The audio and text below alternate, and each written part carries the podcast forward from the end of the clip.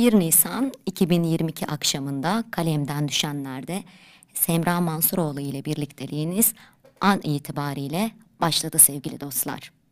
Hepiniz hoş geldiniz.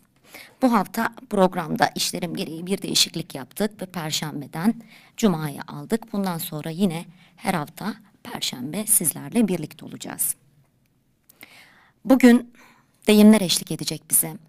Sözü büyülü hale getirmek için bütün dillerde var olan etkili kalıcı sözcük kalıpları vardır sevgili dostlar biliyorsunuz. Bu sözcük kalıpları öyle bir şekildedir ki anlatılmak isteneni en etkileyici şekilde anlatır. Bizde en çok kullandığımız deyimler Osmanlı döneminde ortaya çıkmış ama daha sonra da yabancı kültürlerden aldığımız Fransa'dan, İngiltere'den aldığımız deyimler de var. Örneğin köprüleri yıkmak deyimi. Bunu İngilizceden almışız. Sözü hem kısa bir şekilde hem de çarpıcı, vurucu bir şekilde ifade etmek için kullanıyoruz. Örneğin bir düşünsenize, ürünler el yakıyor. Bunu böyle söyledik. Bir de dedik ki bunu el yakmak ne demek? Bir ürünün çok pahalı olduğunu anlatmak için kullanıyoruz. Ya işte bugün aldığım ürünler çok pahalıydı.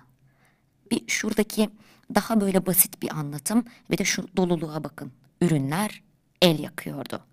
Arada inanılmaz bir fark var.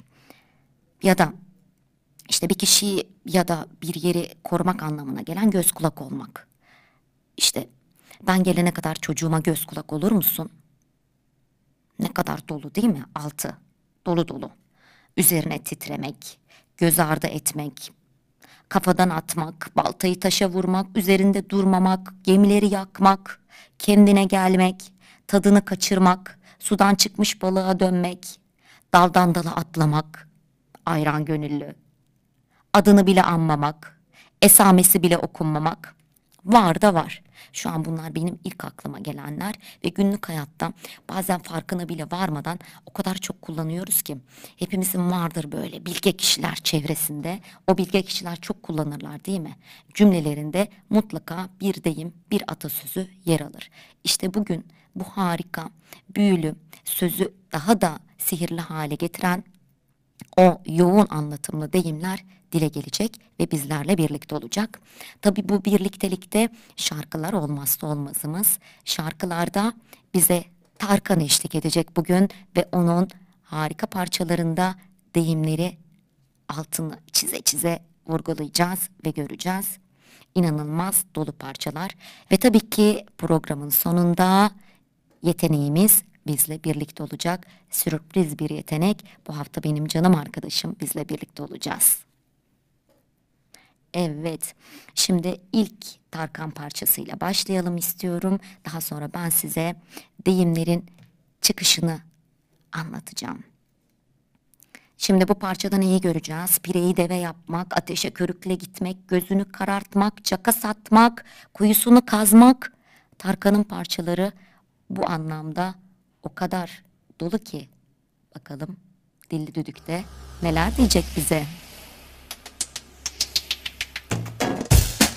Haydi bakalım.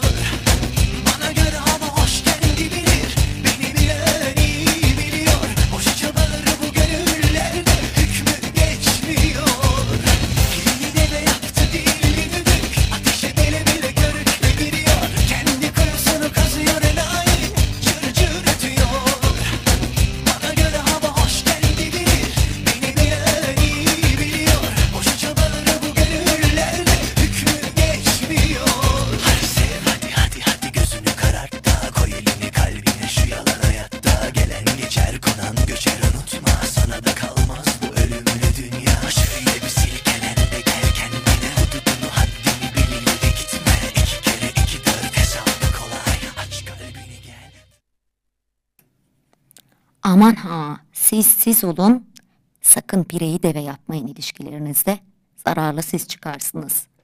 Ateşe körükle de gitmeyin. Aman aman bunlara dikkat edin.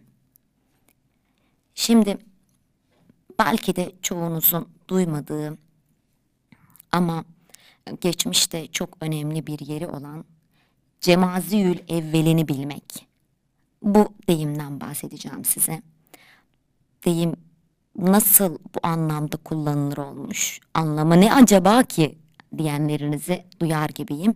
Tüm bu soruların cevabını şimdi bulacaksınız. Cemaziyül evvelini bilmek. Zaman zaman duymuş e, yahut okumuşsunuzdur sevgili dinleyenler.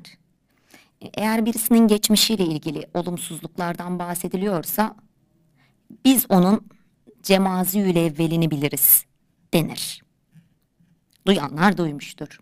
Peki nasıl? Cemaziyül evvel hicri takvimdeki aylardan beşincisinin ismi aslında. Bunu takip eden aya da Cemaziyül ahir adı veriliyor.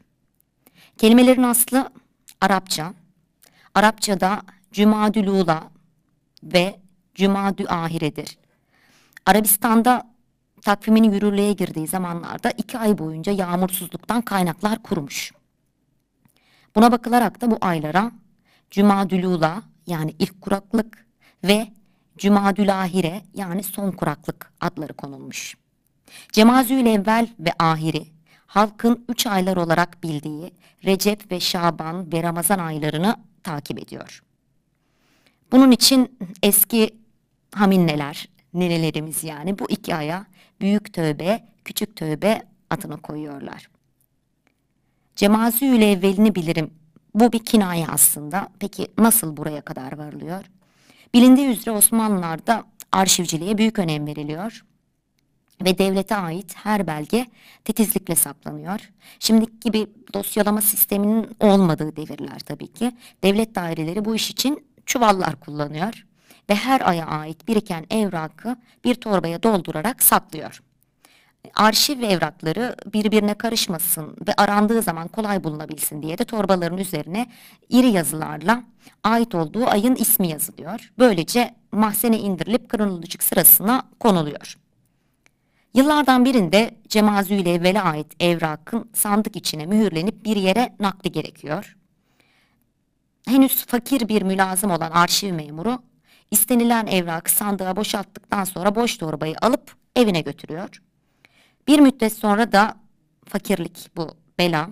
Bu fakirlik belasıyla bu torbadan evine götürmüştü ya. e, Bir tane bir iç donu yapıyor kendisine. Bunu diktiriyor ve bunu giymeye mecbur kalıyor. E, Ne var ki torbanın üzerindeki halis bezir isi mürekkep yıkamakla da çıkmıyor ve üzerinde cemazüyle evvel yazısı bulunuyor. Bu yazıda tam da bizim bu arşiv memurunun giydiği esnada poposuna denk geliyor. Ve okunur vaziyette bu şekilde kala kalıyor. Olacak bu ya e, bir gün eskiden devlet dairelerine kalem deniyordu. E, Kalemde arkadaşları onu bu şekilde görüyor. E, Poposunda kocaman bir cemazüyle evvel yazısı. Okuyunca bunu arkadaşları fakir arşiv memurunun sırrı ortaya çıkmış oluyor tabii ki. Aralarında imalı imalı gülüşüyor arkadaşlar. Gel zaman git zaman bizim arşiv memuru çalışıp çabalıyor, okuyup yazıyor ve kısa sürede yükseliyor.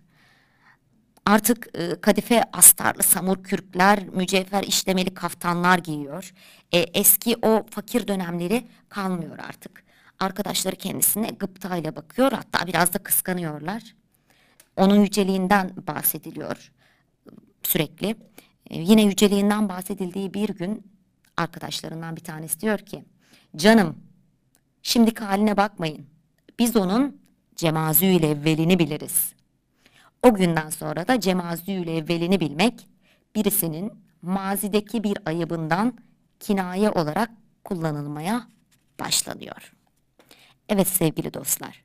Şimdi cemazüyle evvelini bilmek bize Tarkan'da Tarkan'ın sesinde bakalım nasıl seslenecek. Seni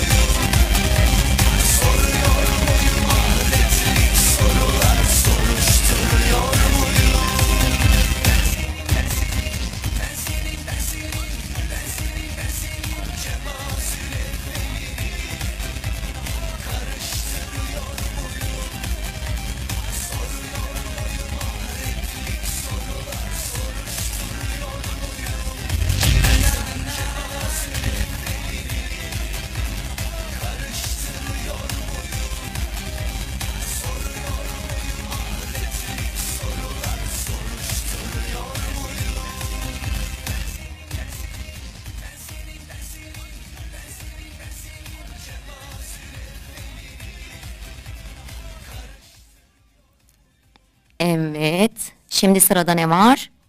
Balık kavağı çıkınca. Hiç kullanıyor muyuz acaba? Buradan canım babama selam olsun. O çok kullanır bunu. İlk ondan duymuştum. Son Posta gazetesinin 25 Mayıs 1940 tarihli nüshasında Hindistan'da balıklar kavağa çıkmaya başladı şeklinde bir haber var. Ve altında şu bilgi yazılı. Hindistan'da ve Hindi Çin'de anabas adında çok garip bir balık vardır. Şimdi sırada ne var? Balık kavağa çıkınca. Bu balık sudan dışarı çıkıp 100 metreye yakın yürüyebilmektedir. Bu yolu 30 dakikada almaktadır. Bu balıkların güçlü kuvvetli olanları ağaçlara da tırmanmaktadır. Bu haber besbelli ki şimdiki asparagasçıların babaları tarafından yazılmıştır. Haberin tek okunabilirlik gerekçesi de dilimizdeki balık kavağı çıkınca deyimi olsa gerek. Kavak ağacı sulak yerlerde hızla yetişen ve kerestesinden istifade edilen bir ağaç olduğu için bizim coğrafyamızda daima var ola gelmiş. Bugün Anadolu'da kavak kelimesiyle türetilmiş bir sürü de yer isim var. Aynalı kavak, kavaklar, uzun kavak. Sıra uzar da uzar. Uzunca bir liste var. Türkülerimizde, hatta edebiyatımızda, folklorumuzda kavak sembolü sıkça kullanılıyor. Dilimizde gereği yapılamayacak vaatleri anlatmak, güya onların icra zamanını bildirmek üzere balık kavağa çıkınca denir. Güya balığın kavak ağacına çıkması nasıl imkansız ise bu tür vaatlerin gerçekleşmesinin de öyle imkansız olduğu anlatılmaktadır. Oysa bu deyimdeki kavak sözünün kavak ağacıyla bir alakası yoktur. Burada anılan kavak İstanbul'da bulunan kavak semtleridir. İstanbul Boğazı'nın Karadeniz'e açılan noktasında iki yerleşim alanı vardır. Bunlardan Asya'dakine Anadolu kavağı, Avrupa'dakine de Rumeli kavağı denilmektedir. Kavaklar çok rüzgarlı ve akıntılı olduğu için burada balık avlamak imkansız gibidir. Hatta bu bölgede balık da fazla eğleşmez ve burada balık tutulup karaya çıkarılamaz. Tahminimiz o ki bu deyim İstanbul civarında türetilmiş. Ama gitgide diğer şehirlere de yayılınca İstanbul'daki bu semtleri bilmeyenler tarafından kavak adı kavak ağacı gibi anlaşılmış ve balık kavağa çıkınca deyimi de kavak ağacı ile ilişkilendirilmiştir. Çünkü deyimin anlamı her iki okunuşa da uygundur. Ağaca bir metre kadar tırmanabilen bir balık cinsinin olduğu ve bunların suları çekilen bataklıklardaki kavaklara tırmandıkları da bilinmektedir. Şimdi yine bir Tarkan parçası gelsin. Bu parçada neyi göreceğiz? Mangalda kül bırakmamak. Var mı çevrenizde böyle mangalda kül bırakmayanlar? Çünkü deyimin anlamı her iki okunuşa da uygundur. Ağaca bir metre kadar tırmanabilen bir balık cinsinin olduğu ve bunların suları çekilen bataklıklardaki kavaklara tırmandıkları da bilinmektedir. Şimdi yine bir Tarkan parçası gelsin. O parçada neyi göreceğiz? Mangalda kül bırakmamak. Var mı böyle mangalda. Kül bırakmak? Kıyamam ağlama. Karalar bağlama. Geçer bu da geçer. Umuduna darılma. İnsanız arada bir. Dengemiz şaşabilir. Akıl başa dönünce Yine sevgiye eğilir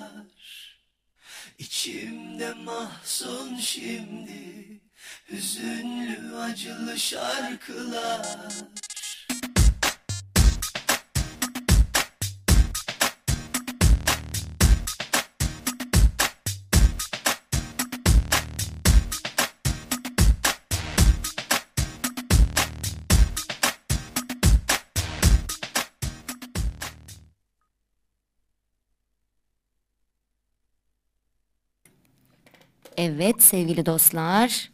Şimdi sırada ne var? Hapı yutmak.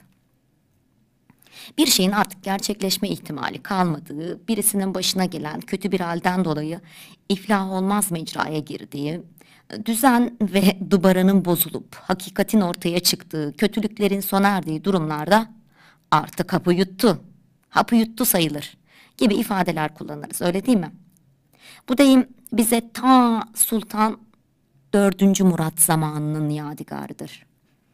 Sultan Murat'ın kahve ve sarhoş edici maddeler ve keyif verici maddeler yasakladığı dönemde saray casuslarından biri belki de kıskançlık sebebiyle Hekimbaşı Emir Çelebi'nin yasakları çiğnediği ve afyon kullandığına dair bir ihbarda bulunuyor. Hünkar Emir Çelebi'yi aslen çok seviyor ve itibar etmiyor. Hatta kendisini sık sık sohbet için huzuruna çağırıyor. E, Bu ihbara önce inanmıyor e, ama inanmasa da Çelebi'yi yoklamayı da ihmal etmiyor. Çünkü bir taraftan da ateş olmayan yerden duman çıkmaz. Gelen habere göre Hekimbaşı kuşağı arasında bir yudumluk e, küçük şeyleri işte muhafaza ettiği yerde e, küçük böyle bir e, afyon parçası taşımakta. E, Bu e, macun, afyon macunu şeklinde ve bunu da kuşağının içinde saklamakta. Padişah çok üzgün tabii. Emir Çelebi'yi satranç oynamaya davet ediyor. Oyunun tam orta yerinde Çelebi diyor. Kuşağını çöz de içinde ne varsa boşalt hele. O dönemlerin kıyafetlerinde cep kullanılması yaygın değil.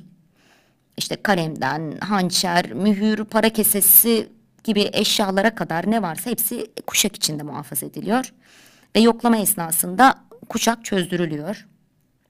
O bir nevi cep. Çelebi hünkârın bu emri üzerine bir ihbara kurban gittiğini ve başına gelecekleri hemen anlıyor. Zeki bir adam.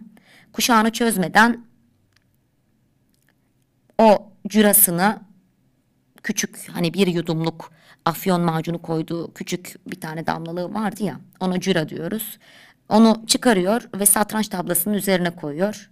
E, Padişah e, cüradanı ters çevirip mercimek büyüklüğündeki afyon haplarını tablanın üzerine boşalttıktan sonra soruyor.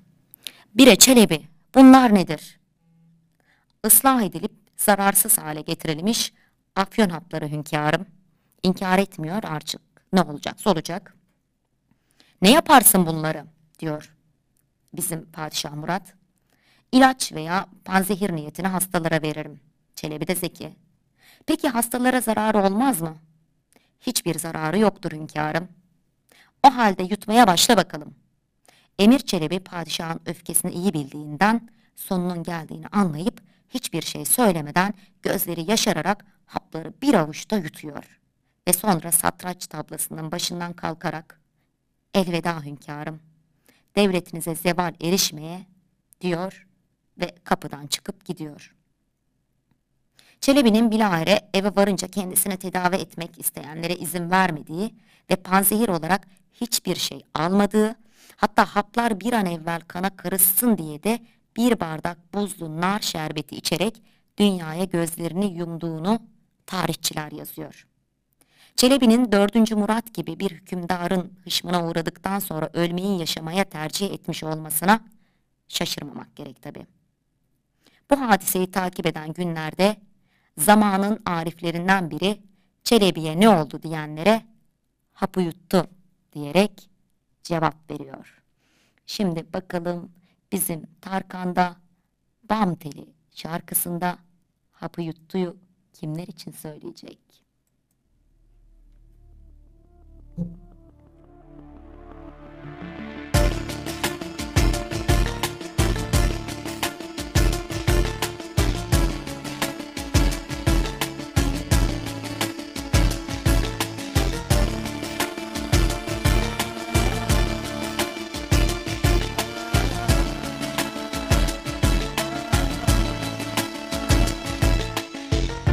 Sakın bam telime Yarama tuz biber ekme. Üzeriz birbirimizi sonra. Yakışır mı böylesi bize? Bakışalım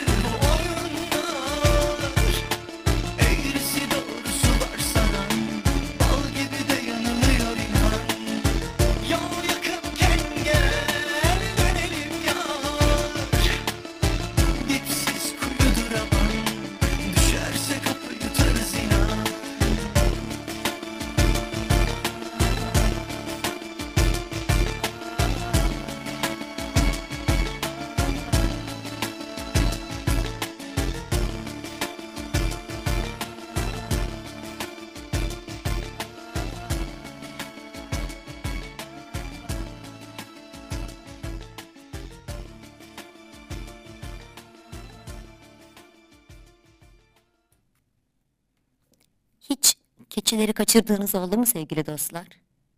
Arada bir olur değil mi böyle? Peki keçileri kaçırmak nereden geliyor acaba? Çünkü deyimleri yüzde 99'unu gerçek anlamının dışında kullanırız. Ama bakalım burada keçiler bizim bildiğimiz keçiler mi acaba? Asabi davranışlar sergileyen, işte sinirsel bunalıma giren, salgı, saldırganlaşan, akli dengesini yitiren hatta bu davranışlarda bulunan kişiler hakkında keçileri kaçırdı deriz, çıldırdı. Bu deyim Burdur yöresinde ortaya çıkıyor. Daha doğrusu rivayetler bu şekilde. Deyim derlemecileri bu şekilde olduğunu söylüyor. Bu yöredeki İnsuyu mağarası bilinmezden evvel bir çoban civarda keçi sürüsünü güdüyormuş. Keçilerin öğlen sıcağında suya yakın bir gölgelik yerde uyutulup dinlendirilmesi adettenmiş. Bu sırada çoban da biraz istirahat etmek ve sabahın erken vaktinden itibaren keçi sürüsüyle birlikte dağ bayır dolaştığı için o yorgunluğunu atmak için dinlenirmiş. Keçiler bildiğimiz üzere çevik ve haşere hayvanlar, koyunlar gibi veya büyükbaş hayvanlar gibi değiller. Dağ baş, dere tepe durmadan zıplarlar. En olmayacak kayaların tepesine çıkarlar. Hoplarlar, zıplarlar, en sarp yerlerdeki otlara bile ulaşırlar. Hatta bu yüzden sarp ve dar yollara keçi yolu tabiri konulmuştur bu yüzden. Burdurlu çobanımız her zaman gibi güzergahının aksine o gün İnsuyu bölgesinde keçilerini yaylıma salmış. Ne var ki öyle sıcağı bastırmış, bastırdıkça bastırmış. Keçileri sulayacak bir su bulamamış. Çaresiz sürüsünü bir ağacın gölgesinde istirahate salıp kendisi de uykuya dalmış. Dayanamamış artık. Çok erken saatlerde kalktığı için o kadar uykusuz ki. Ağacın gölgesine sığamayan keçiler iyiden iyiye susayıp su aramak üzere kendilerince bir yol bulmuşlar ve İnsuyu mağarasına girmişler. Meğer bu mağarada yağmur sularından oluşmuş göletler, kar suyu birikintileri varmış. Çoban uyandığında bir de bakmış ki ortalıkta sürüden eser yok. Çevreyi araştırmış, orayı burayı yoklamış ama nafile. Eyvah demiş kendi içinden. Keçileri kaçırdık. Şimdi sürü sahiplerine ne derim acaba? Koskoca sürü nereye gider? Hadi biri gitti, ikisi gitti, üçü gitti. Sürünün tamamı nereye gider? Köylü beni öldürür alimallah. Bu düşünceler içinde aklına gelen bütün yerlere tekrar tekrar bakmış. Mağaradan haberdar olmadığı için de çaresiz köye dönmüş. Ancak görevini ihmal ettiği için aklından bin bir türlü düşünce geçiyormuş. Önüne gelene keçileri kaçırdım. Şimdi ben ne yapacağım diye soruyormuş. Çobanın bu çaresizliği köylüleri de şaşkına çevirmiş. Hep beraber sürünün kaybolduğu yere gitmişler. Bir de ne görsünler? Sürü kendi kendine otlamaya devam etmiyor mu? Bizim çoban şaşkın. Nasıl olur yani? Meğer öğlen sıcağında mağarada dinlenip suyunu içen keçiler sonra yine yayılmak üzere dışarı çıkmışlar. Sürüyü sayan köylüler sayının da tam olduğunu görünce durmadan keçileri kaçırdım diye sayıklayan çobanın delirdiğinden veya bir düzenbazlık peşinde olduğundan şüphelenmeye başlamışlar. Sürüye yeni bir çoban tutmuşlar. Lakin birkaç gün sonra yeni çobanın başına da aynı olay gelmiş. O da keçileri kaçırdım diyerek köye dönmüş. Bu sefer köylüler bölgeyi araştırmaya karar vermişler ve şimdiki İnsuyu mağarasını bulmuşlar. Ondan sonraki zamanlarda keçilerini kaçırmayan çobanların bu mağarada öğle istirahati yapmaları gelenek olmuş. Keçilerini kaçıran çobanların deli divane hareketleri de sinir krizlerine girerek ne yaptığını bilmeyenler için bir benzetme olup bu deyim dilimize yadigar kalmış. Şimdi de bize Tarkan seslensin, basıp gittin diyecek her şeyini toplayıp basıp gitmişsin. İnsanoğlu nankördür, değişir demişsin. Acımasızsın, çok acımasız diyecek bize Tarkan.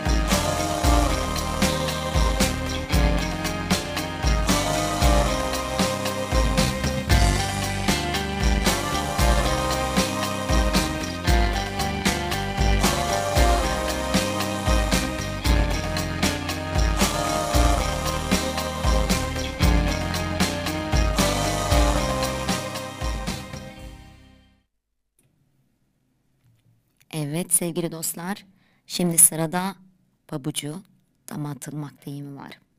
Bakalım bu deyim nasıl dile gelecek? Osmanlılar'da bildiğiniz üzere harika bir esnaf teşkilatı var, ahilik teşkilatı. Hatta bu bir gelenek.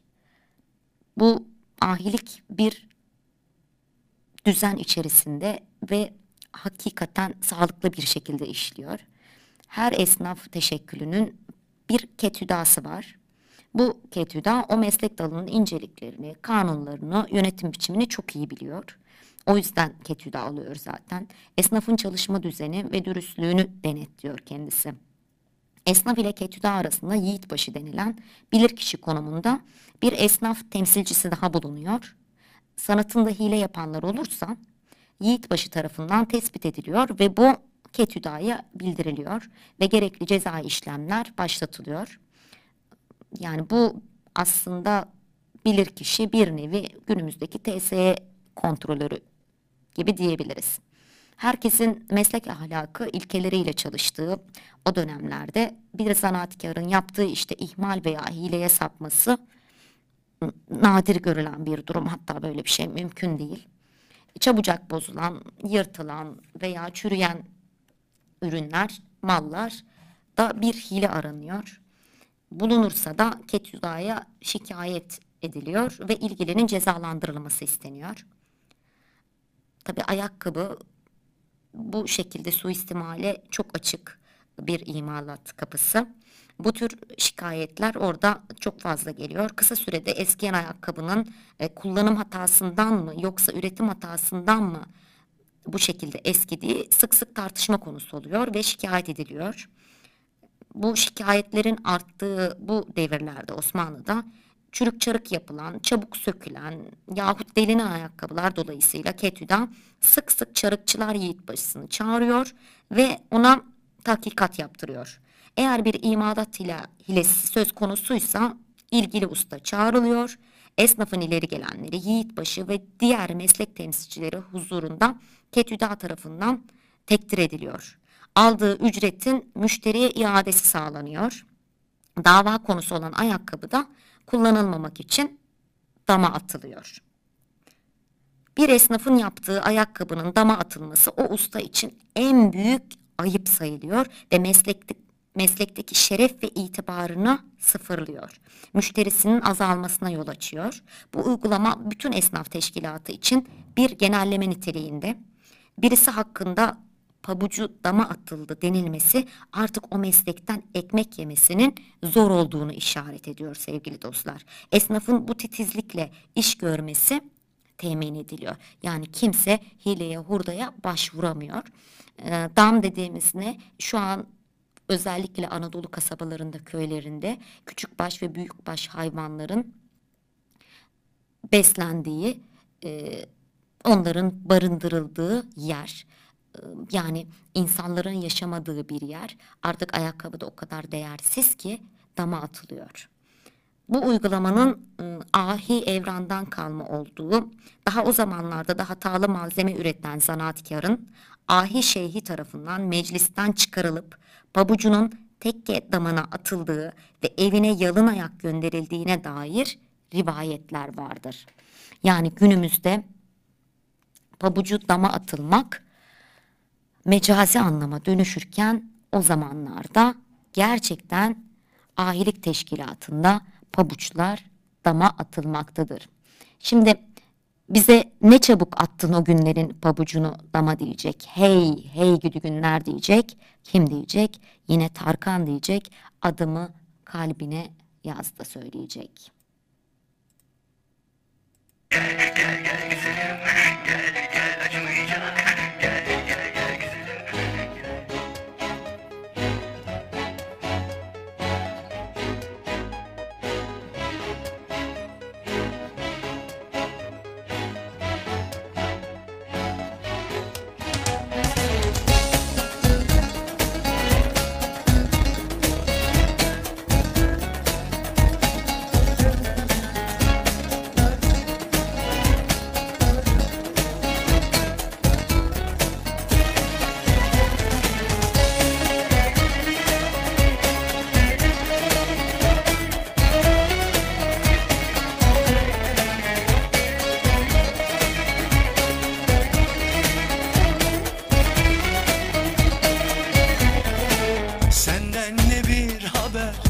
selam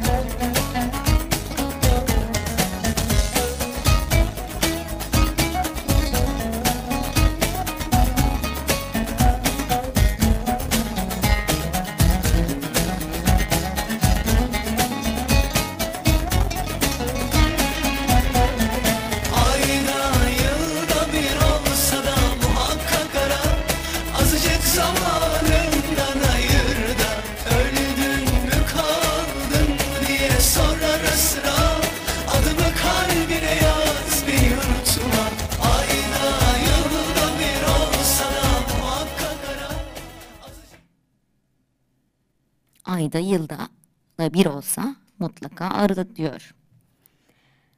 Evet şimdiki sıra dolap çevirmekte. Gizli kapaklı işler yapanlar hakkında söyleniyor bu deyim bildiğiniz üzere. Bize eski konak geleneğinin yadigarı aslında. Kaç göç devirlerinde zengin konaklarının erkekler kısmına selamlık, kadınlar kısmına da haremlik deniliyor. Aile dışından kimseler geldiği vakit kadın ile erkekler ayrı oturuyorlar. Konağın harem ile selamlığı arasında duvarda bulunan dolap devreye giriyor bu esnada da. İki taraf arasındaki hizmetler böylece yürütülüyor. İşte ikramlıklar falan hep bir tane dolap var. O dolap vesilesiyle veriliyor. Dolap eksen etrafında dönüyor. Silindir şeklinde bir aparat. Raflar halinde düzenlenmiş ve kadınlar tarafından raflara yerleştirilen yemekler dolap çevrilerek erkekler kısmına geçiyor. Oradan boşalan kaplar yine aynı usul ile alınıyor. Eski konakların çoğunda yemek servisi böyle yapılıyor. Mahremiyet hissi de dolapların her vakit kullanılmasını zaruri kılıyor. Dolap olmasa yani selamlık ve haremlik arasında bir irtibat sağlanamayacak. O ikramlar verilemeyecek. Aç kalacak yani selamlıktakiler. Aşkın her devrin en geçerli duygusu olduğuna şüphe yok tabii ki konaklardaki halayıklar, arabacılar, bahçıvanlar, aşçılar, hizmetçiler, yamaklar, dadılar, kalfalar arasında fırsatını bulunca ilanı aşk için kırmızı gül demetleri, çiçekler, ipekli mendiller, lokumlar, lavantalar hep bu dolaplara konularak karşı tarafa gönderiliyor. Böylece konak sahibine sezdirmeden dolap çevrilmiş oluyor. Hüseyin Rahmi Gürpınar'ın romanlarında da heyecanlı örnekleri abartılarak anlatılıyor bu dolap çevirmenin. Ve o Hüseyin Rahmi Gürpınar'ın romanlarından yola çıkılarak günümüze arkadan iş çevirmek anlamında kullanılarak geliyor. Evet, sizler dolap çevirmeden direkt ne yapın sevgili dostlar? söyleyeceğinizi söyleyin. Şimdi karşımızda yine Tarkan var ve ne diyecek bize? Aşkını ama açık açık söyleyecek ve bize buradan baş edemedim, medet umdum deyimleriyle ara ara seslenecek ve en son diyecek ki aşık olduğu kişiye ateşine düştüm.''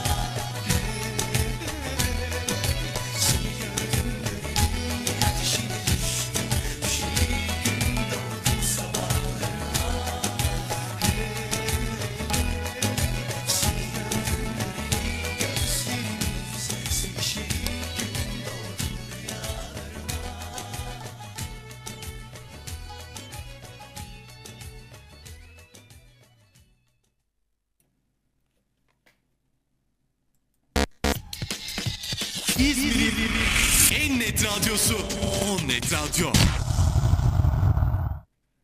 Evet sevgili dostlar bugün Onnet Radyo'da kalemden düşenlerde deyimler dile geldi.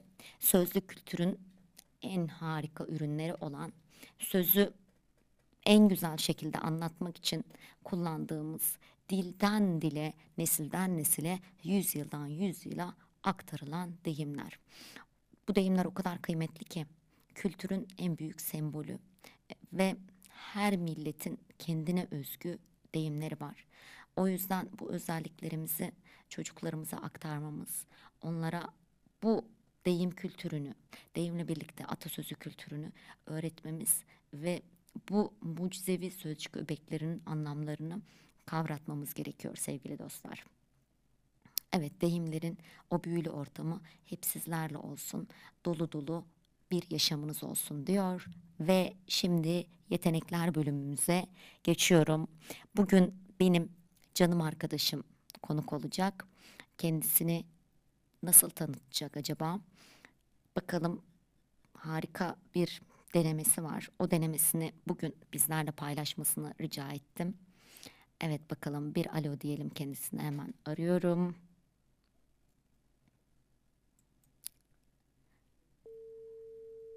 Evet çalıyor. Şimdi açacak diye düşünüyorum.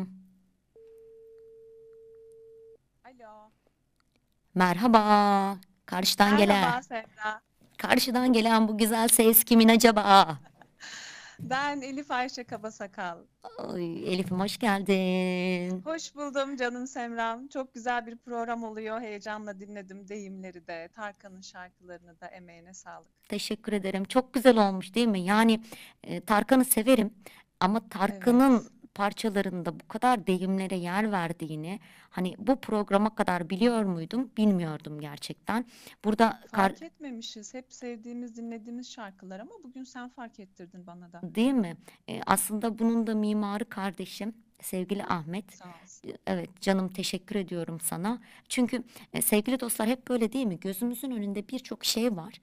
Bakıyoruz ama görmüyoruz. E, o yüzden farkındalık oluşturmak çok önemli galiba. E, Derinlik kazandı aslında bugün. Şarkılar, deyimler, hikayeleri tam bir ders teması oldu aslında Semra. Derste okutulsa ders olarak çok da dolu dolu olacak yani. Anlamını buldu hepsi deyimlerin bugün. değil mi? Emeğine sağlık. Canım benim, canımsın. Elif, e, ben seni tabii tanıyorum. Elif Ayşe Kabasakal. E, ama şimdi sen nasıl tanıtacaksın sen kendini? Sen kimsin? Ben aslında senin bugünkü konseptine uymuyorum yaş olarak. Malum 37 yaşındayım ama genç böyle genç değil ama amatör yazanlardan olduğumu düşününce temaya oradan böyle biraz sıkıştım galiba. Sözünü unutma doğal- Elif. Hemen hemen araya gireceğim. Niye araya giriyorum? Şimdi bize birçok dinleyen var yurt içinden, yurt dışından. Elif temaya uymuyorum dedi ama aslında tam da uyuyor. Genç yetenekler dedim. Ama bu genç yeteneklerde bu 10 yaşından başlayıp aslında 60 yaşına kadar gidiyor. Çünkü Doğru. artık Dünya Sağlık Örgütü'nün tanımına göre genç kavramı da değişti. Bir de gençlik, yaşlılık neye göre, kime göre? Artık bu yaş sınırı da değişti. Hani gerçekten baktığımız hep bunu söyleriz ya bazı insanlar içinde o genç ruhu bakıyorsun senin annen yaşında ama kadın yani senden daha canlı, daha diri, senin çocuğunla çocuk olabiliyor. O yüzden bana göre tam da aslında uygunsun Elif. Yani sen Evet, harika bir yaşamak gençsin. Doğru, biyolojik olarak değil de. Ben böldüm seni. Yok rica ederim. Ee, Kesinlikle öyle. Kesinlikle öyle. Ben seni böldüm asıl. Evet şimdi Elif Ayşe Kabasakal Ben- kimdir? Kim? Ben öğretmenim, İngilizce öğretmeniyim. Doğayı çok severim mesela e, Semra. Ee, ve ağaçlara bayılırım. Hatta ağaçların altında onca çöpe rağmen ağaçların vakurunu bozmadan e, sürekli oksijen vermesine de şaşırırım. Oksijenin kalitesi bozulmadan. Yani bunu yapmış olmasına. İnsanları çok severim. Çünkü etrafımda çok güzel insanlar var. Bayılıyorum ben hepsine. Ee, müthiş bir yaşam enerjisi veriyor. Sen mi çekiyorsun acaba? Bilmiyorum. Be- belki şans. e, çok güzel insanlar var. Hepsine e, hep duacıyım. Çok da teşekkür ediyorum. Çocuklara bayılıyorum. Ee, çok severim çocukları. Bazen irdeliyorum. Çocukların dönemleri oluyor ya Semra, senin de var kızın. İki yaş işte terrible twos, beş yaş sendrom, ergenlik işte bitmedi dönemleri falan diyoruz. Sonra düşünüyorum ben. Acaba onlar da bize aynısını diyor mu? Çünkü onların o dönemleri geçerken biz de onların o yaşlarının acemisiyiz aslında. Değil mi? Ee, belki de onlar da bize şunu söylüyor. Annemin babamın bu acemilikleri geçmedi. Yani e, belki de onlar bize bunu söylüyor. Çünkü onlar iki yaş sendromunu yaşarken biz de o duruma yabancıyız. Kesinlikle Ee, onların gördük işlerinden ne geçiyor acaba değil mi? Ha evet belki de onlar neyi sorguluyor. Çünkü biz de o dönemin acemisiyiz. Ama şunu gördüm.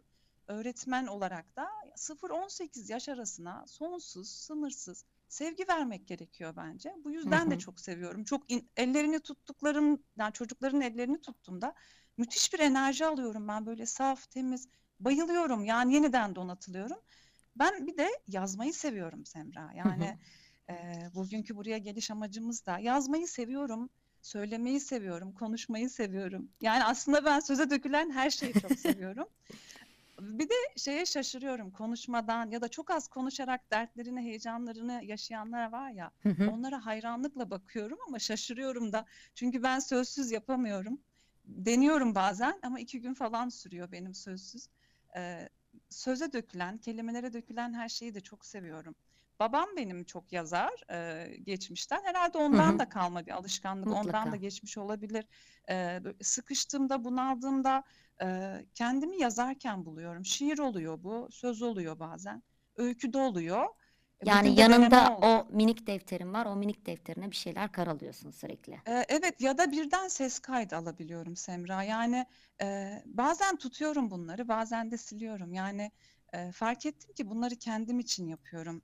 Böyle bir iç döküş oluyor bunlar bazen. Hı hı. Ya da bir şeyleri şablona sığdırmak gibi. Yani benim hayatımla ilgili e, geriye dönüş, dönütle alakalı yazarak oluyor. Bende böyle gerçekleşiyor. Herkesin dökme ya da dökmeme bilmiyorum tercih. Ben tutuyorum bunları. İşte bazen de tutmuyorum, kalıyor. Sonra kendim için yazıp kendimi irdelediğimi fark ettim.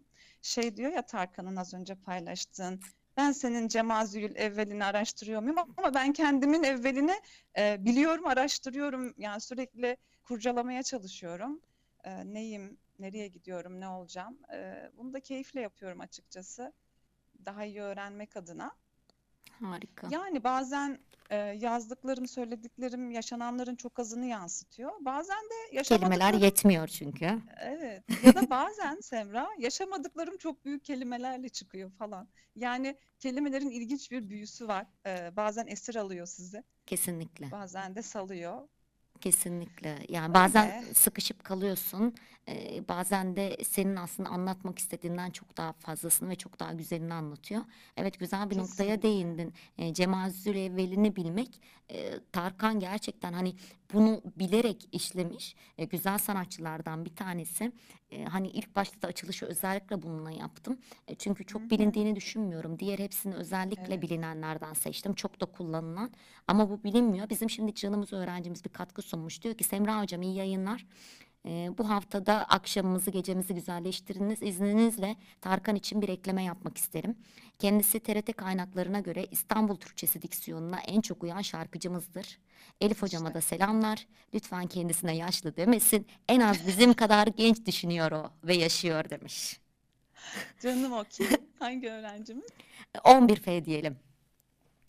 Canım, canım. Teşekkür ederim. Ee, Bize ben e, bugün... Hı hı. geçelim mi denemeni? Ne Geçelim Semra. Çok hızlı yazmıştım. Ee, aslında sen bunu benden daha güzel okuyorsun ama ben bir okumayı deneyeyim. Ee, ufak bence bir deneme. Ha, bence kendine haksızlık etme Ee, sevgili dinleyenler. Bu programda, e, bu radyoda özellikle, bu radyo çok samimi bir radyo. Ee, benim e, patronum dediğim insan sevgili Olcay. Aynen öyle. Yani içimiz dışımız hakikaten bir. E, bu Onnet radyonun tamamı için geçerli. Kalemden düşenler için ayrıca geçerli. Size en baştan beri hep böyle doğal, ım, önceden Evet. düşünülmemiş, has- hesapsız kitapsız şeyler anlattık, anlattım ve paylaştım. Şimdi de Elif bunu bana işte yazmış o akşam çala kalem aklına gelmiş. Hemen ertesi gün benimle paylaştı. Benim çok hoşuma gitti, çok etkilendim ve dedim Elif gelsene e, bunu e, bizimle paylaşsana kalemden düşenlerde. Olur mu olmaz mı? İşte sen bir okusana. Bahçede çıktık okulumuzun güzel bir bahçesi var. Okulumuzun bahçesinde bunu seslendirdik. İşte o an duygu paylaşımları falan yani Elif canım benim sağ olsun e, hani hep şairlerde vardır ya böyle veya yazarlarda yazarlar e, ama e, onların yazdıklarını başkaları belki de daha iyi telaffuz eder. Çünkü kendi yaşadıklarını başkası aktarmıştır. O o an belki de şeyi tüketiyor. E, Elif ne düşünüyorsun bu konuda? Hani yazarken Başka kaleme alırken sen baş zaten duygularını döktün. Yani o an hı. o an bitti.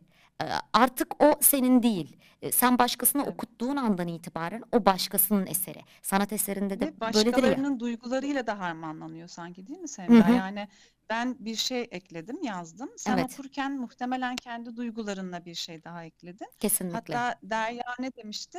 Aa çok har sen okuduktan sonra ne kadar güzel olmuş. Ben okurken dememişti ama sen okurken e, harikaymış bu Elif'in yazdığı az önce bunu demişti.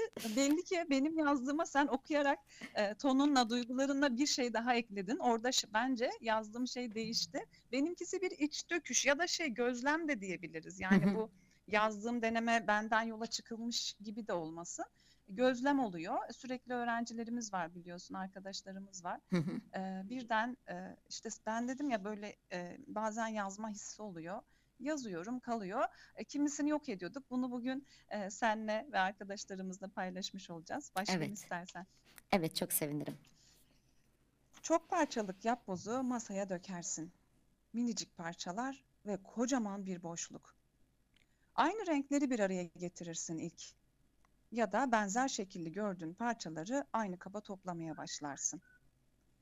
Kalkarsın, gezersin, sonra oturur kenarları oluşturursun. En kolay yerden başlamak işleri de kolaylaştıracaktır çünkü. Ya da ne yapacağını bilmekle başlamak. Çerçeve hazır. Ama zor kısmı şimdi başlıyor. Parçalar tık tık oturmuyor bir türlü. Yoğunlaşman gerek. Tık diye oturan bir parçayla oh rahatlarsın. Sonra yeniden parçaları gözden geçirir, her parçayı oturtmak için işe koyulursun. Parçalar azaldıkça kolaylaşır her şey ve hızla yerine yerleşir. Tık, tık, tık. Bu anlattıklarım kendini bulmaya kalktıysan da benzer şekilde gerçekleşir. Kendinin kocaman bir ip yumağı olduğunu fark edersin. Neyse ki fark edersin. Bazı ömürler kendini bulamadan gidiyor çünkü. Çözülmeler de kendini fark ettiğin anda gelecektir. Zor olacak başta. Masadan kalkmak yetmeyecek. Bağıracaksın, yıkılacaksın kimi zaman. Aylarını alacak. Okuyacaksın, araştıracaksın, konuşacaksın bol bol ya da susacaksın. Terapistin iki cümlesi seni yıkacak. Sonra uzatacak elini kalkacaksın. Bazen içine kapanıp kimseyi görmek istemeyeceksin. O kadar yıkık hissedeceksin ki yenilmiş ve asla kalkamayacakmışsın gibi. Sonra birden yapbozdan gelen o tık sesini duyacaksın. Bu bambaşka bir yaşamın habercisidir de aynı zamanda ve umudun. Aydınlanmaya başlayacaksın Semram. Bunca zaman bildiğin ya da bildiğini sandığın her şey yeniden yazılacak. İçinde sana ait olan her şeye sahip çıkmaya başlayacaksın. Ve sen olmayan her şeyi kenara koyma cesareti göstereceksin. Senin yaşamının yapbozdan farkı bu olacak. Bazı parçalar gerçekten fazla gelecek. Ve sen onu çıkardığında tamamlanacaksın. Kutundan çıkmayan, sana ait olan eksik parçalarını da bulacaksın. Tık, tık, tık. Yerleşmeye başlayacaksın. Ve hoş geldin tam olarak senli yaşam. Budur Semran bu kadar. Ben sen bana ilk okuduğunda da çok etkilenmiştim. Şimdi yine aynı o etkiyi duydum. Biz gerçekten acaba kendimizi bulduk mu Elif? Ne diyorsun? Yani bunu özellikle Ee, nesiller bağlamında konuştuğumuzda ne diyeceksin? Yani ya da o yazarken bence hangi duygular içindeydin? Eee, şöyle o eee, bir şey düşünüyordum ben. Birden eee, fa- hemen fark ettim onu. Aa dedim aydınlanmam artık ne kadar çabuk oluyor. Hani eee, başından itibaren sürekli okuyoruz, iletişim halindeyiz, bir yerler görüyoruz, geziyoruz. İnsanların eee, olumlu olumsuz söylediği her şey yön veriyor bize Semra. Hı hı. Eee, ama sorgulamalar uzun sürüyordu. Yani sonra geçenlerde bir şey düşündüm ve çok çabuk kavradım onu. Aa dedim artık ne kadar çabuk oluyor. O an dedim ki ne, bu tam olarak yapbozun son parçaları gibi. Yani biz yapboz gibi tamamlanabilir miyiz bilmiyorum Semra ya da tamamlanmalı mıyız onu da bilmiyorum ama e, yolda olmak o kadar keyifli ki öğrenmek, e, hareket halinde olmak, eylemde olmak ben öğrencilerime de söylüyorum. Ya yeter ki yolda ol. E, hatalarımız çok. E, çünkü şey de var biliyorsun biz özellikle bizim kuşağımızda yani 1980'lilerde Hı hı. süperegolar çok baskın durumda bizde. Yani bizler Fazlasıyla. kurallar, gelenekler ve kendimiz arasında çok da sıkışmışız Semra. Evet, Ee, bir taraftan duygular. da bu kuşağın vefa, değer, bencil olmama, sahip çıkma gibi çok da olumlu özelliklerimiz var. Ben diyorum ki hani bu güzel değerlerle kendin olma e, arasındaki o köprüyü kurduğumuzda sanki ortaya çıkacak olan şey tadından yenmez bir hal alacak. Bir de şunu gördüm yani yeni nesil karşısında hani öğrencilerimiz için söylüyorum. Hı hı. Hani kendi olan, kendini bulanı da görmek istiyor. Ve buna hakları da var aslında. Yani onlar yeni nesil geliyorlar karşılarında kendini bulan, kendini bulan demeyelim de bulmaya çalışan diyelim, kabul eden ya da e, ve biz öğretmen olarak da sanki böyle bir misyonumuz da var. Yani tamamlanır mıyım? Eksiklerim ne kadar çok? Ben şimdi herkesin e, tamamlanma ve başlama süreci de farklı. Ben belki çok eksiden başladım. Sen belki %50 tamamdın, oradan devam ediyorsun ama e, aydınlanma denilen şey devam etmeli sanki. Öğrenciler ya öğrencilerden o kadar çok şey öğreniyorum ki gülüyorum, kahkaha atıyorum. e, Çok keyif veriyorlar ve e, karşılıklı devam ediyor. Kimden öğrendiğinin bir önemi de yok sanki. Elif Ee, bu aydınlanma bence hiç bitmeyecek. Yani tam oldum Bitmesin. diyen insanın artık dünyada yapacak bir şey kalmamıştır. Güzel bir benzetme. Bu denemede de onu çok sevmiştim. Yapboz benzetmesi harikaydı. Ee, dünyayı bir yola benzetmen ve insanı da yolcuya benzetmen bu da Hı hı. a, harika. Hakikaten biz bu dünyada bir yoldayız ve sürekli yolculuktayız. Yolculukta da insan her daim bir şeyler öğrenir ve bunu kimden, neden, nasıl, yaşı büyük, küçük hiç fark etmez. Çünkü her insanın algısı farklı, ilgisi farklı. Nitekim geçen hafta sevgili Uygar ve Murat'tan çok şey öğrenmedik mi? Seninle daha İnanılmaz. seninle daha sonra bunu tartışmadık mı? Yani programda da bu geçti. Mesela bana bir mangakayı öğrettiler ki bunu ömrüm durdukça unutmayacağım ve hep o mangaka kelimesini kullandığımda Mangaka neydi? Manga yazarıydı değil mi? Evet, e, Uygar'la e, Murat'ı anacağım. E, o yüzden Tabii. bunun yaşı yok. Yani sürekli öğreneceğiz, sürekli aydınlanacağız. Gerçekten bu bir yol ve bu bir süreç. E, bu süreçte önemli olan Kesinlikle. kültürlenmek, e, önemli olan kendimizi göstermek. Ama Ya kendine göz kırpmak da güzel Semra. Şimdi karşında birileri var ya da iletişimde zorlandığın birileri var. Zaten sevdiklerimizden öğreniyoruz. Onlar her türlü motive ediyor bizi de. Bazen iletişimde zorlandığımız insanlar da oluyor. Şöyle ben içimden kendime bir göz kırpıyorum. Hop Elif tamam buradan da öğreneceğin şeyler var e, sakin ol. diyerekten. e, e, ya şöyle yok şey böyle kendime bir göz kırpıp şey böyle içimdeki şımarık çocuğa hani böyle hareketli çocuğa hop Elif hadi aldın buradan da güzel bir şeyler. Ha, Karşıdaki bunu bilmeyecek. Karşıdakini de bazen sor, şey yapıyoruz. Zayıf yanlarını görüyorsun. Bunu sadece zayıf yanı olduğu için yapıyor. Bunu da biliyorsun. Ve diyorum ki kendime hop kendime bir göz kırpıp Elif bu da bundan. Sen de kendi yoluna bak. İşte E, çünkü olgunluk da burada devreye giriyor. Yani hani hep e, şey diyoruz ya Elif, tecrübe, tecrübe, tecrübe. Yani o yüzden belki e, yani hani 50'sine kadar genç dedik ya herkes bence genç E, ama 35'inden sonra gerçekten bir aydınlanıyorsunuz. E, bizi o yaş kesinlikle. kuşağı dinliyorsa eminim katılacaktır. E, o- 35'ten sonra gerçekten inanılmaz bir böyle özgüvenle eksiklerini açık açık söylemek, eksik olan taraflarını kapatmaya çalışmamak. Çünkü hep bizlerde vardır bu. Yani Ama eksik iç gizlenir. yolculuğuna çıktıysan oluyor Semra bu. Yani 35'inden sonraki aydınlanma e, sen e, bunca zaman bir şeyleri okuyup araştırıp kurcalayıp bir iç yolculuğuna yani üzerindeki o ip yumağını çözmeye başladığında gerçekleşiyor. Bazen hani dedim ya bazı ömürler kendini çözemeden gidiyor. Yani mesela şey bakıyorum bir davranış var. E, bana ait mi bu davranış? Bunu sorgulamaya başlıyorsun. E, sana aitse e, kalıyor üzerinde. Sana ait değilse ya da işte bir takım süper İşte egolar bize sen misin yerleştirilmiş yoksa geleneklerimiz. sen Efendim? sen kendin Ha misin evet. gerçekten yoksa taklit misin? Ha Hmm, evet. O Olanlara girir. sahip çıkıyorsun. Ama bazen e, üzerine yerleştiren şeyle yaşayıp ölüyorsun ve gidiyorsun. Bunu fark ede fark edemiyoruz da. Yani ben aslında e, hatalarım çok, e, yaptıklarım yani yanlışlarım çok.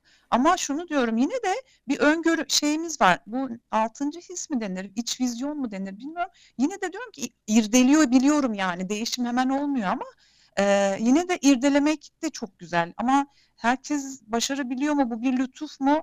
Eee, verene şükür eğer Elif lütufsa. daha bugün çocuklara söyledim. Yani hatalarım çok dedin ya. Ben hataları çok hı. seviyorum. Hata yapmak güzel bir Evet, şey. Çocuklara evet. onu dedim. Her şeyi deneyin. İçinizde hiçbir şey kalmasın. Yaptıklarınızdan pişman olun yeter ki. Yapmadıklarınızdan değil, düşün. Düşmekten korkmayın. Düşmek çok güzel bir şey. Mucize gibi bir şey. Ama ben onlara şey diyorum piyano piyano gidin. Şimdi şey, çocuklar e, seviyor zaten bizi biliyorsun. İletişim kurmakta zorlanmıyoruz ama ben diyorum ki çok, çok da bilirler Muratlar geçen Zeynep Murat Uygar kitap hediye etmişlerdi bana. E, piyano piyano diye yazmışlar içine. Ben hep öyle diyorum. Acele etmeyin zaten yaşayacaksınız yani. Ama e, tadına vara vara bizim geç bulduğumuzu onlar çok daha erken bulsun istiyorum açıkçası. Buluca, da bulacaklar da yani hep onu ben söyledim yayınlarımda da söylüyorum. E, X, Y, Z kuşakları Z kuşağı gümbür gümbür geliyor. Bazılarını Çok güzel söyle değiller mi ya? bazılarının söylediği gibi işte çok saygısızlar şöyle böyle hep nesiller arasında bu vardır. E, belki zamanında bize de söylediler bunu. Şu şöyle bu böyle farklılıklar Hep hep olacak ama kendilerine e, inanılmaz bir özgüvenleri var. Cesurlar, inandıkları şeyden vazgeçmiyorlar ve bunu savunuyorlar. Saygısızlaşmıyorlar sanki. Yani yine olacak, zorluklar yaşayacağız tabii ki. Yani biz de aramızda anlasak da farkımız var ama e, onları anladığın zaman onlar bence bunu seviyor ve saygısızlaşmıyor da en aza indiriyor. Bilmiyorum ki. Yok kesinlikle öyle. O yüzden diyorum ya gümbür gümbür geliyorlar diye. Çok evet evet evet çok mutluyum ben de. Elif'im teşekkür ediyorum. Ee, sen şimdi ederim. yazanlara, yazmak isteyenlere ne diyorsun? Sen dedin ben içimi döküyorum, iç dökmek için yazıyorum dedin. Ee, buradan e, ne söylemek istersin? Ya da çocuklara, senin de bir çocuğun var, benim de. Ee, ne demek istersin? Son sözlerini almak isterim. Ben eee, şimdi herkes yazmakla rahatlamıyor elbette. Kimisi koşuyor, kimisi çiziyor, kimisi resim yapıyor, kimisi susuyor. Yani eee, herkes rahatladığı, bilmiyorum ki o eee, kendisini iyi hissettiği alanı keşfetmeli sanki. Ama Hani herkes bir şey yapmalı değil mi illa? ya bence yapmalı Semra. Yani eee, zaman şeylerden hani böyle ya sadece beklerler ya hiçbir şey yapmadan. Zaten yaşıyoruz. Evren sana o şeyi anlamlı getirmiyor. Yani bir E, emek vermen gerekiyor, denemen Hah, gerekiyor, evet, çabalaman evet. gerekiyor. Yani tesadüf bazen olmuyor. Yani e, şans diye bir şey var elbette ama e, bazen senin e, dileklerin, hani çocuklara da diyorum iyi mesaj yollayın. Yani e, onlar bir şekilde karşımıza geliyor ve e, eylemde olmak önemli bence Semra. Yani Ama biz de bazen diye bir şey yok işte. Yani emek efendim veriyorsun, tesadüf diye bir şey yok. Emek veriyorsun ve bu emeklerin gün gelip e, zamanı geldiğinde senin karşına çıkıyor. O zaman ha ha evet diyorsun. İşte o belki kesinlikle. de kastettiğimiz şey. Kesinlikle bazen şey e, hemen karşılığını bulsun istiyoruz ki ben de çok aceleci ve sabır, te, çok tez canlı bilen bilir arkadaşlarım. Şimdi gülüyorlardır da yani. İzliyorlar, dinliyorlar çünkü çok tez canlıyımdır ben ama bazı şeyleri kavradım. Yani bazı şeyleri aceleye getirmemek gerektiğini. O an insanlar ne yorum yaparsa yapsın, olumlu ya da olumsuz, bekleyip görmek gerektiğini de fark etmeye başladım. Yani yaş 37 e, güzel şeyler fark ediyorum. E, geç olsun güç olmasın derler ya. E, bu şekilde fark edişler güzel, eylemde olmak güzel. Yaşıyoruz ya, Hı hı. yaşarken anlamlandırmak, her şey zaten e, güzel olmak zorunda değil. Gelene hoş geldin ve nasıl tepki vereceğimiz önemli. Böyle Semra, çok güzel bir program. Teşekkür ederim. Ben teşekkür ederim. E, bize geleceğe bir anı kaldı. Hı hı, Buradan evet. tüm çocuklarımıza, canımız öğrencilerimize selamlar olsun, sevgiler olsun. Hepsine kucak dolusu sevgiler. Onları nasıl sevdiğimi biliyor, gözlerimden anlıyorlardır. Geriye bir tek maskeyle gözümüz kaldı. Gülüşlerimizi göremiyorlar ama evet. e, gözlerimizden gerçekten e, tam olarak gerçek sevgiyi hissediyorlardır diye düşünüyorum öğrencilerimiz de, arkadaşlarımız da. Hepsine kucak dolusu sevgiler. Yüreğine, kalemine sağlık Semra. Yolun açık olsun senin de. Canım benim. Çok teşekkür ediyorum canım arkadaşım. Senin de kalemine sağlık, ağzına sağlık, yüreğine sağlık. İyi ki varsın. Ee, o zaman Sen de. herkesin farkında olacağı, farkında olarak farklılıklarıyla bir bütün olarak yola devam edeceği zamanları olsun. Ee, çevremizde güzel Evet. insanlar olsun, güzelliğin farkında olan insanlar Evet, olsun. evet, evet. Büyüyelim değil mi? Böyle böyle Evet, büyüyelim. kesinlikle. Teşekkür tamam. ediyorum canımsın. Ben de teşekkür ederim. İyi akşamlar. İyi akşamlar. Evet sevgili dostlar bugün bir 37 yıllık Elif Ayşe Kabasakal bizim konuğumuzdu. Bence hepsi söylenmiş, yaşanmış genç tecrübelerdi. İyi ki bugün bizimle birlikteydin Elif. Teşekkür ediyorum canım benim.